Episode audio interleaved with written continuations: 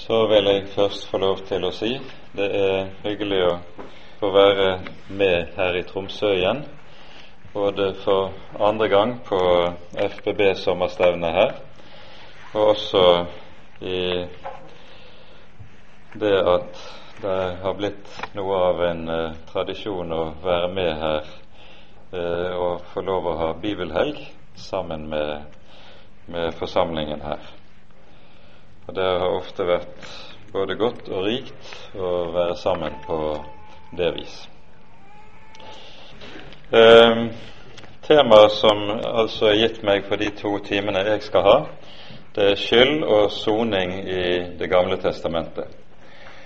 Og det er slik at når vi møter begreper som Guds lam, Jesus som ypperste presten, ord som soning og forsoning i Det nye testamentet, så har alle disse hovedbegrepene en dyp bakgrunn i Det gamle testamentet, og ganske særlig i lovgivningen rundt offer og soning, lovgivningen rundt tabernaklet i Det gamle testamentet.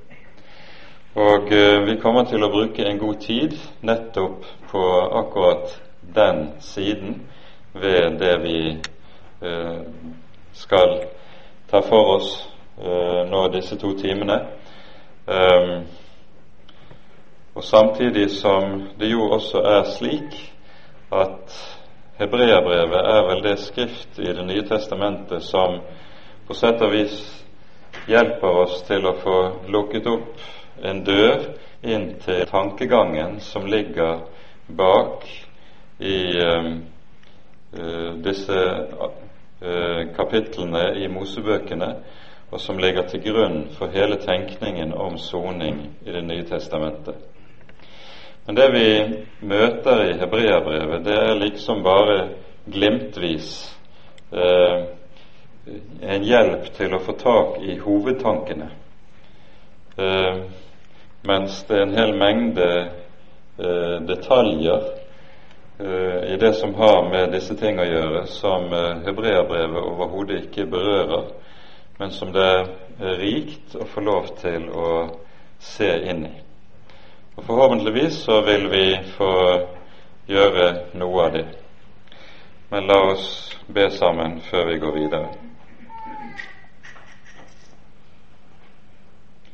Herre Hellige Gud, vi takker og lover deg at du har sendt din sønn og gitt ham som vår øverste prest og som en soning for alle våre synder. Nå ber vi at du vil sende din Hellige Ånd og gi oss lys i ordet, for at vi må kjenne din Sønn rett. Amen.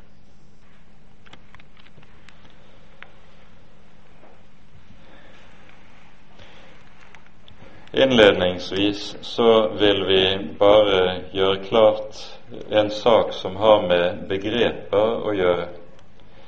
Og det er at det er viktig at vi har klart for oss at det er forskjell på begrepene forsoning og soning. Eh, ordet forsoning det betegner det at to parter som har ligget i uvennskap eller fiendskap med hverandre, blir forlikt. Mens ordet soning, det eh, betegner grunnlaget for at det kan skje forsoning. Der må skje et oppgjør, der må betales en løsepenge eller en bot eller hva det skal være.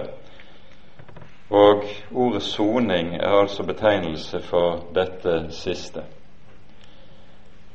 Forsoningen er altså en frukt av soningen. Og nå er det nok riktig nok slik at i kristen dagligtale så blander man disse to begrepene. Men det er viktig at i Bibelen er det forskjell på dem, og at man gjør, man gjør seg klart hva denne forskjellen dreier seg om. Jeg hadde tenkt at vi innledningsvis skulle lese noen vers fra Salme 49. der vi hører følgende fra det åttende til tiende verset. En mann kan ikke utløse en bror. Han kan ikke gi Gud løsepenger for ham, for utløsning av deres sjel er for dyr.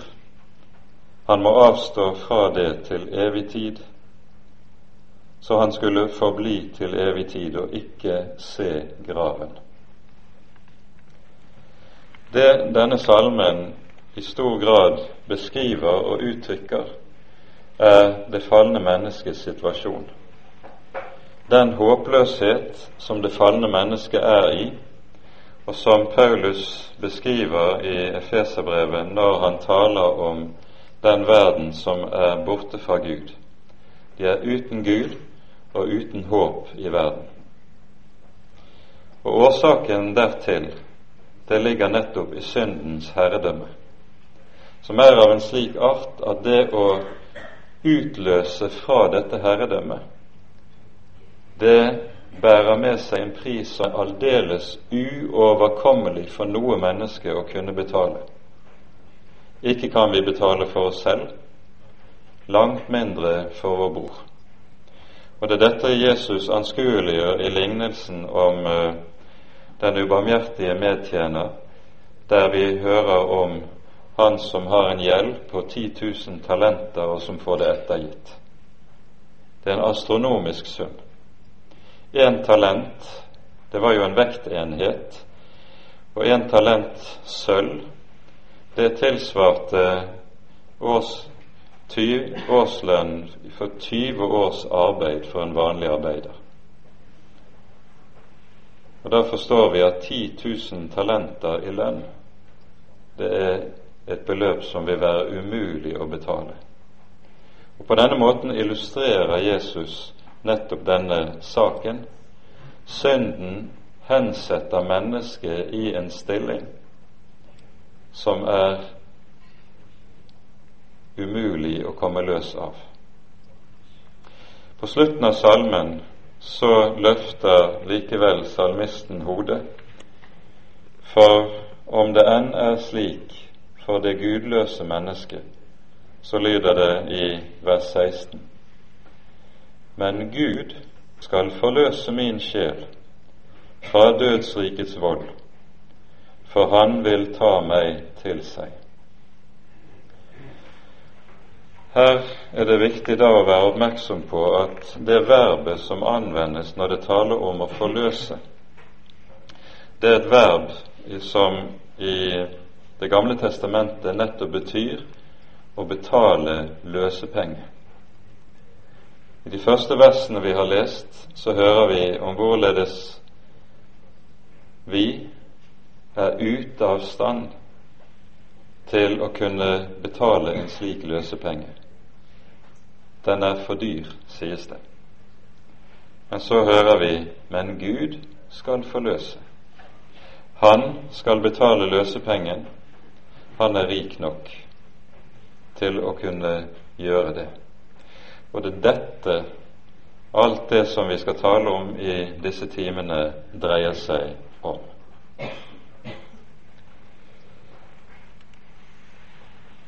Forlat oss vår skyld ble vi minnet om ved formannens åpningshilsen.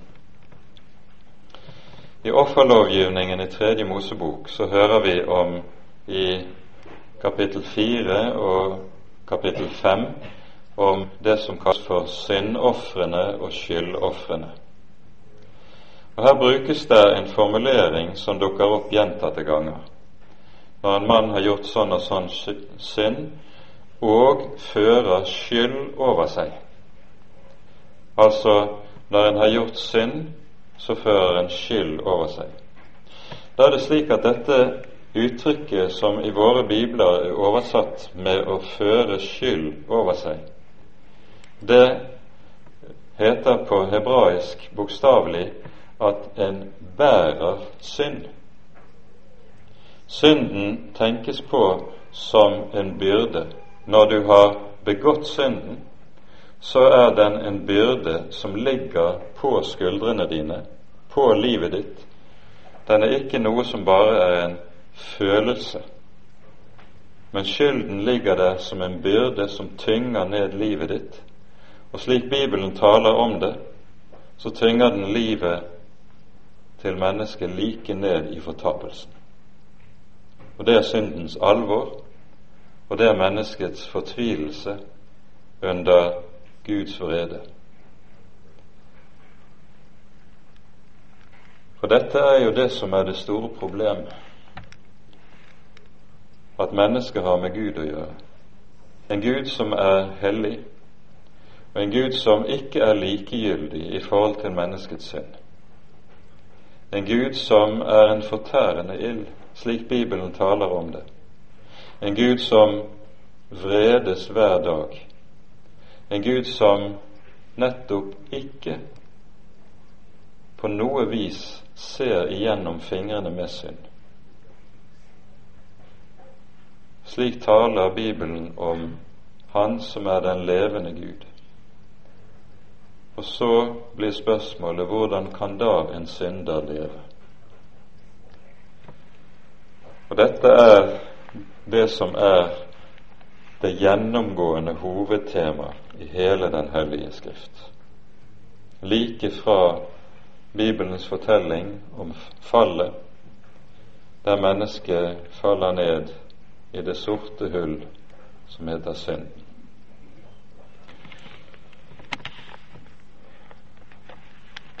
I annen Mosebok hører vi om Israels folk som fris ut fra Egypt. Og når folket er fridd ut fra Egypt, så leder Herren folket på veien gjennom ørkenen til Sinaiberg. Og på Sinaiberg, fra Sinaiberg, åpenbarer Herren sin hellige lov. Og det sies allerede før loven åpenbares. I 2. Mosebok kapittel 19. Dere har selv sett hva jeg har gjort med egypterne, og hvordan jeg bar dere på ørnevinger og brakte dere, førte dere hit til meg.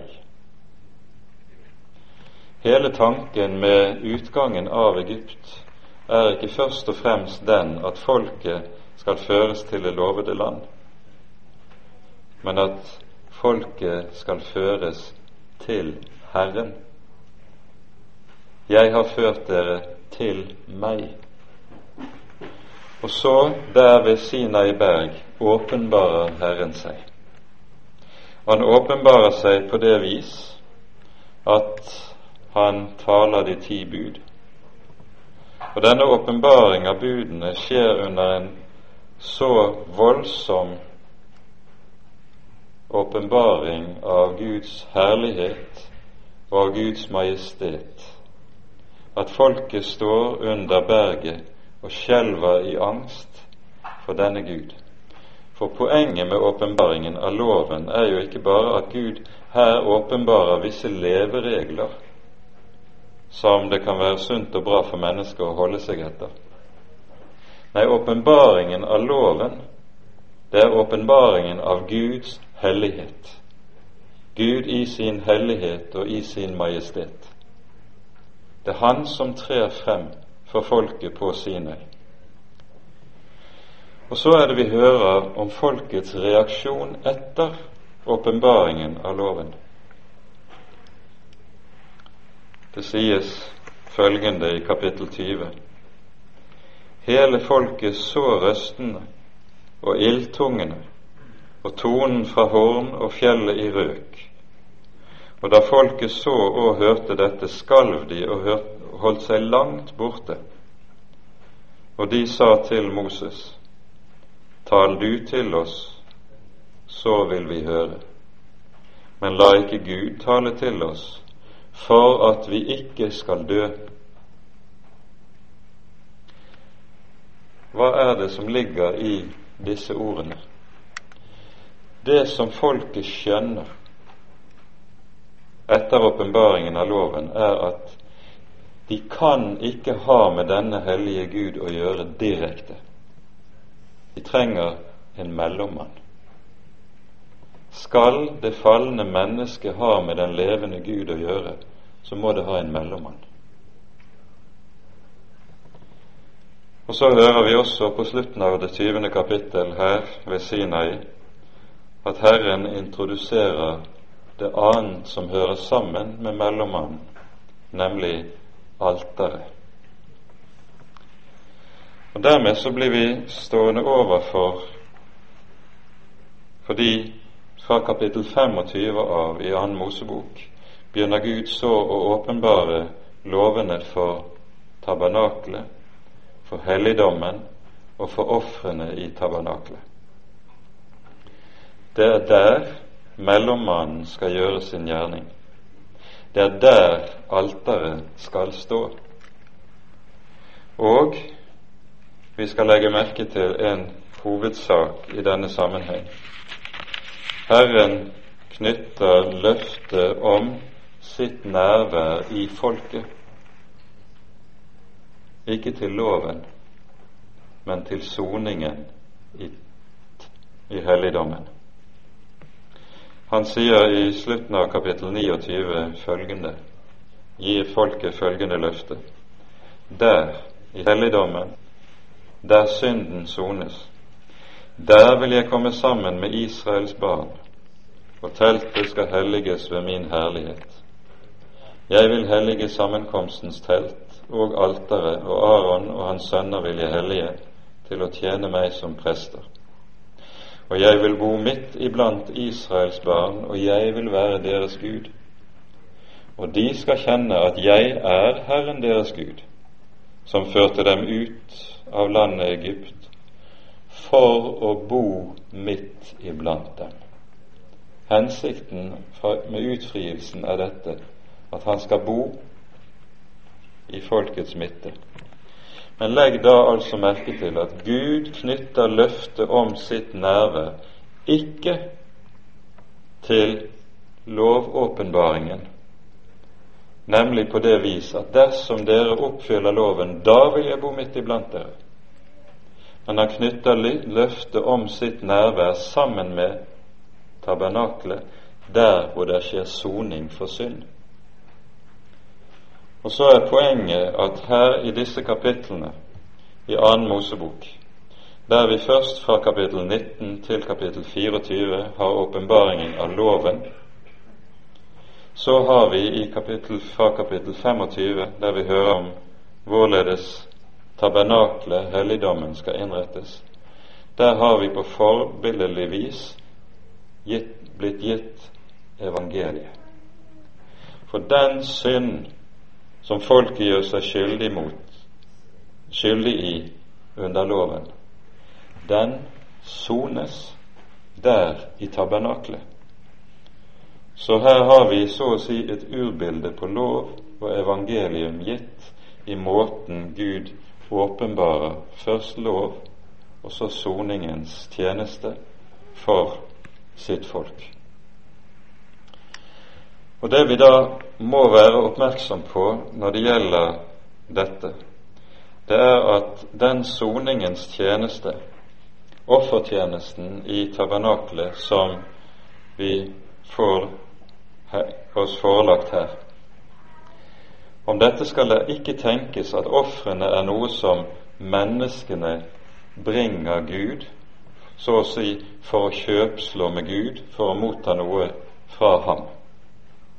Men ofrene er i Det gamle testamentet tenkt på som nådemidler. På samme måte som vi i Det nye testament eh, og i Den nye pakt har bestemte nådemidler som den Herre Jesus har innstillet. Vi har dåpen, vi har nadværen, vi har evangeliet i Guds ord. Det er nådens midler. Slik er det i Det gamle testamentet gitt det nådemiddel at Gud har gitt et sted der synd sones. Og dette skjer i tabernakelet. Og så hører vi han knytter løftet om sin iboen i folket sammen med at det skjer soning for synd.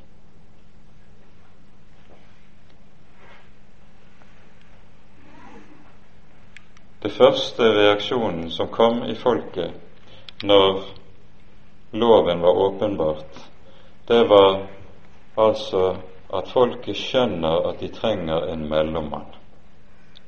De sier til Moses, tal ikke med oss du, ta, la ikke Herren tale med oss, for at vi ikke skal dø, men tal, la, tal du med Herren, og så vil vi høre deg.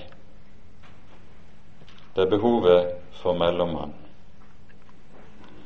Og den mellommann som Herren nå gir folket, det er øverstepresten og hans tjeneste. Og så er det jo da også slik at i Hebreabrevet særlig er det dette utlegges for oss, der Aron i sin tjeneste er et forbilde på den Herre Kristus. I det den tjeneste som gjøres i tabernaklet, som er den jordiske helligdom, er et forbilde på den tjeneste den Herre Kristus utfører når han går inn i den himmelske helligdom med sitt blod, og som vår øverste prest. Dette er linjen som dras. Men går vi inn i tekstene i Annen Mosebok og ser på Aron og hans embete, så er det en rekke forhold som er viktige å få øye på. For det første er det jo slik at nettopp hans rolle som mellommann anskueliggjøres i hans embetsdrakt. Denne beskrives i 2. Mosebok kapittel 28. Og Her er det særlig to trekk ved embetsdrakten som eh, fremhever, fremhever denne stedfortredende gjerning eller mellommannsgjerning. Yppersteprestens drakt bestod av fire plagg i tillegg til de fire plaggene som den vanlige eller den lege prest var iført i helligdommen. Og det som var hovedsaken eller hovedplagget i denne sammenheng, er det som kalles for livkjortel. Det var en hvit eh, ankellang kjortel som lignet dagens hvite prestedrakter. Utenpå denne var det en blå eh, kappe, og så over den igjen så var det som eh, ble kalt for livkjortelen i våre bibler, efod på hebraisk, og som en, kunne ligne en messehagel i, av det gamle slaget. Til denne efod, eller livkjortelen, var det festet på skuldrene, det sies uttrykkelig i kapittel 28, to steiner, onykssteiner. Onyx det er en halvedelstein som er svart. Og i denne, hver av disse stenene var det skulle navnene på Israels tolv stammer være inngravert. Seks navn på den ene stein og seks navn på den andre. Og så sier teksten uttrykkelig Således skal Aron bære Israels barn på sine skuldre når han trer frem for Herrens ansikt. Han bærer dem som mellommann og som stedfortreder innenfor Guds ansikt. For det andre var det et bryststykke som skulle være festet til livkjortelen. Til dette bryststykket var det også eh, festet tolv edelstener. Det er tolv ulike edelstener som står listet opp. Og I hver av disse tolv stenene så skulle ett av stammenavnene på Israels tolv stammer være inngravert. Og så sies det uttrykkelig i den sammenheng for det første således skal Aron bære Israels barns på sitt hjerte når han trer inn for mitt ansikt. Han skal bære Israels barn på sitt hjerte. Og vi forstår bildet i dette. Når han bærer Israels barn på sine skuldre, så bærer han tyngden Og det du bærer på skuldrene, det er det som er tungt. Når han bærer dem på sitt hjerte, så sier det noe om det hjertet som er stedtrederens hjertelag. Og det sies uttrykkelig om den, dette bryststykket at det skal være festet på en slik måte at det ikke skal kunne løses fra øversteprestens drakt. Med andre ord Israels barns navn skal ikke kunne løses fra øverstepresten. Han, skal, han er alltid bundet til den. På denne måten anskueliggjør selve embetsdrakten noe av denne mellommanns- og stedfortredergjerning som er øversteprestens oppgave i offertjenesten. Når vi så kommer til Fjerde Mosebok, så kommer det en del utfyllende lover rundt dette. Og vi skal lese et par vers fra Fjerde Moseboks 18. kapittel. Her står det først i det første verset Da sa Herren til Aron, du og dine sønner og hele din fars hus skal bære skylden for overtredelser mot helligdommen, og du og dine sønner skal bære skylden for overtredelser mot prestetjenesten. Her sies det altså uttrykkelig at Aron det hører til hans embets oppdrag at han bærer skylden til Israels barn. Og så kommer det i vers 5 hva som er hensikten med at Aron slik skal bære denne skyld. Dere skal utføre det som skal utføres ved helligdommen, og det som er å utføre ved alteret, for at det ikke mer skal komme vrede over Israels barn. Altså, når Aron er stedfortreder, så hensikten den at Guds vrede ikke lenger skal hvile over folket. Det er hensikten med hans stedfortreder gjerning, hans mellommanns gjerning. Og Slik er det at Aron som øverste prest kommer da til å bli forbildet for den Herre Jesus som vår øverste prest, slik hebreerbrevet vitner om ham. Fra gammelt av i Kirkens historie er det jo slik at når Jesus bærer tittelen Messias, den salvede, så har en tenkt som så at like som det var tre embeter som en mann ble salvet til i Det gamle testamentet, tre gjerninger der en var kalt av Herren, nemlig profettjenesten, det kongelige embetet og det prestelige embetet. Slik er den Herre Jesus som Messias den som innehar disse tre embeter. Han er profeten, han er kongen, og han er øverstepresten. Salvingen av øverstepresten hører vi om i 2. Moseboks 29. kapittel. Og denne tittel anvendes stadig i Mosebøkene. Han kalles for Den salvede prest. Og som Messias innehar Jesus altså dette prestelige embetet. Og det prestelige embetet sin hensikt det er at presten skal gjøre soning for synd. Dere la kanskje merke til at i det første verset vi leste her i 4. Mosebok 18, så ble dette uttrykket anvendt han skal bære den synd som Israel har gjort. Det er øversteprestens Det tilligger hans embete å være syndebærer. Og Vi nevnte altså tidligere at uttrykket som i våre bibler er oversatt med 'å føre skyld over seg', det er bokstavelig i grunnteksten så heter det 'å bære synd'. Og Dermed så ser vi at Gud innstifter en ordning i sitt folk der den synd som påhviler synderen, kan tas fra ham og legges over på en annens skuldre.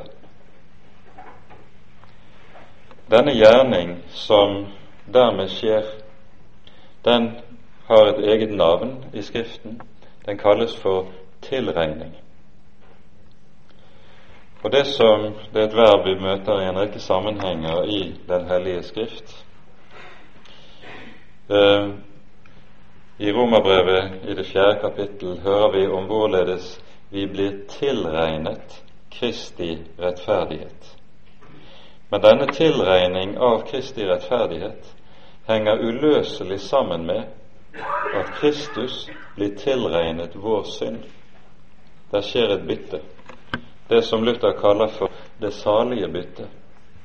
Synden tas fra synderen og legges over på Han som er vår øverste prest, og så tas Hans hellighet fra ham og legges over på deg og meg ved troen på Kristus. Dette heter tilregning. Og Det som er viktig å legge merke til i den sammenheng, det er at det er hvem som er subjekt for denne handlingen, for tilregningen. Er det du og jeg som kan tilregne vår synd til en annen?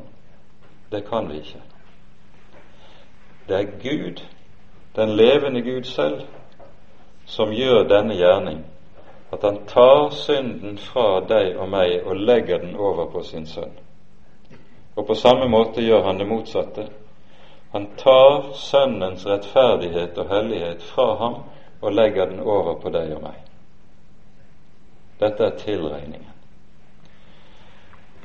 Og så forstår vi dermed hvorfor det er gitt denne ordning at Herren sier 'Jeg vil være deres Gud', og dere skal være mitt folk. Og jeg vil bo midt iblant dere, og dere skal kjenne at jeg er, er deres Gud. Dette løftet er knyttet til det sted der det skjer soning.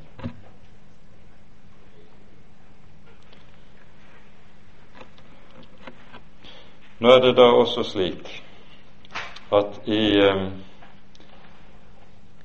det som er øversteprestens oppgave, det er å ofre. Og vi kommer til å bruke eh, hoveddelen av morgendagens bibeltime på hva det er som skjer i selve soningen. Men vi skal, før vi setter punktum her i kveld, henlede oppmerksomheten på et par grunnleggende saker. Først et vers fra Salme 65. I Salmenes bok finner vi en rekke ulike sånne forbindelseslinjer til det som skjer i helligdommen, samtidig med at vi kanskje ikke alltid får øye på hva at dette egentlig er forbindelseslinjer som går til soningens tjeneste i tabernaklet. I Salme 65 står det følgende i vers 4. Når mine misgjerninger er blitt meg for tunge, da utsletter du våre overtredelser. Det ordet som her i vers 4 er oversett med å utslette våre overtredelser, det er i grunnteksten ordet for soning. Bokstavelig står det når mine misgjerninger er blitt meg for tunge, da soner du våre overtredelser. Poenget er at vilkåret for forlatelse i Skriften er at det skjer soning. I Hebreabrevet sies det i kapittel 9, vers 22, uten at blod blir utgitt, skjer det ikke soning. Skjer det ikke forlatelse for synd. Altså det som skjer i soningen i denne handling, det er selve grunnvilkåret for at det overhodet kan bli forlatelse for synd. Uten soning ingen syndsforlatelse.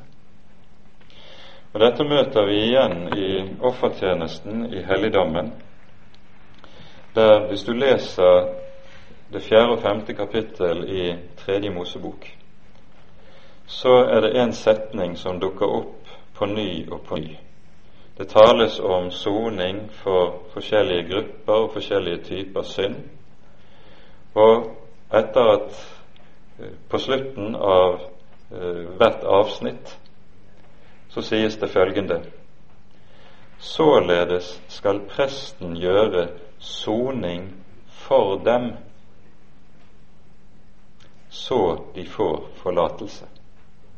Altså, det er en følgesetning. Det å få forlatelse, det er en følge av at det har vært gjort soning.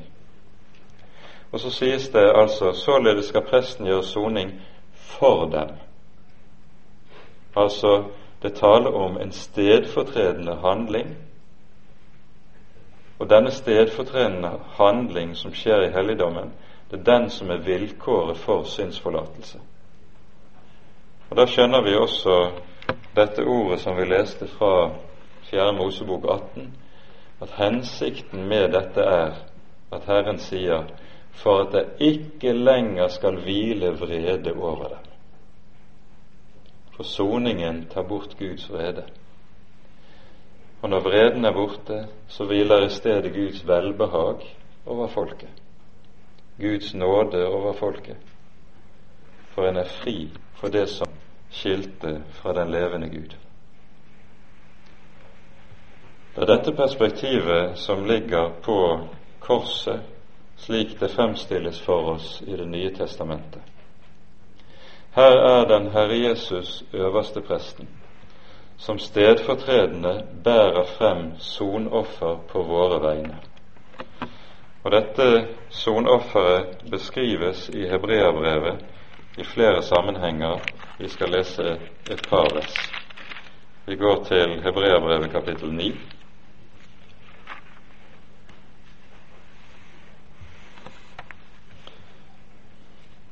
og leser fra vers 11. Da Kristus kom som ypperste prest for de goder som skulle komme, gikk han gjennom det telt som er større og mer fullkomment, som ikke er gjort med hender, det vil si, som ikke er av denne skapning, ikke med blod av bukker og kalver, men med sitt eget blod gikk han inn i helligdommen en gang for alle og fant en evig forløsning. For så sant blodet av bukker og okser og asken av en kvige helliger til kjødets renhet, når det blir stenket på dem som er urene. Hvor meget mer skal da Kristi blod, Han som i kraft av en evig ånd bar seg selv fram for Gud som et lyteløst offer, rense vår samvittighet fra døde gjerninger, så vi kan tjene den levende Gud. Her hører vi om hvorledes linjen trekkes frem til korset fra yppersteprestens gjerning i helligdommen. Og Det som jo er poenget i hebreerbrevets tale om dette, det er at Kristus i sin person forener både øversteprestens embete og lammet som offer. Han er både øversteprest og lam i en og samme person. Det siste er det vi skal tale mer om i morgen. I, um, hos profeten Jeremia har vi i det tredjeste kapittel en underlig profeti om denne Messias øverste prestlige gjerning.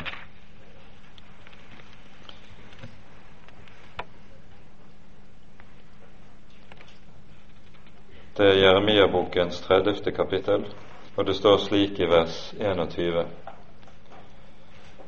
Det sies 'Hans herlige skal være av hans egen ett, Hans herlige, det er en tittel på Messias et par plasser i Det gamle testamentet. Hans herlige skal være av hans egen ett, han skal være Israels folk. Hans hersker skal utgå av hans eget folk. Og så sies det Jeg vil la ham komme nær. For hvem ville ellers våge sitt liv og komme meg nær, sier Herren. Nå spør du kanskje hva har dette med øversteprestens tjeneste å gjøre? Jo, det har med det å gjøre at når Det gamle testamentet skal definere hva en prest er i soningens tjeneste, så defineres det i 4. Mosebok 16. kapittel gjennom et hovedord presten er den som har rett til å tre Herren nær. Han er den som har rett til å tre Herren nær. Og du møter en rekke ganger i Mosebøkene eh, den sterke advarselen som sier dersom en fremmed trer Herren nær, da skal han dø.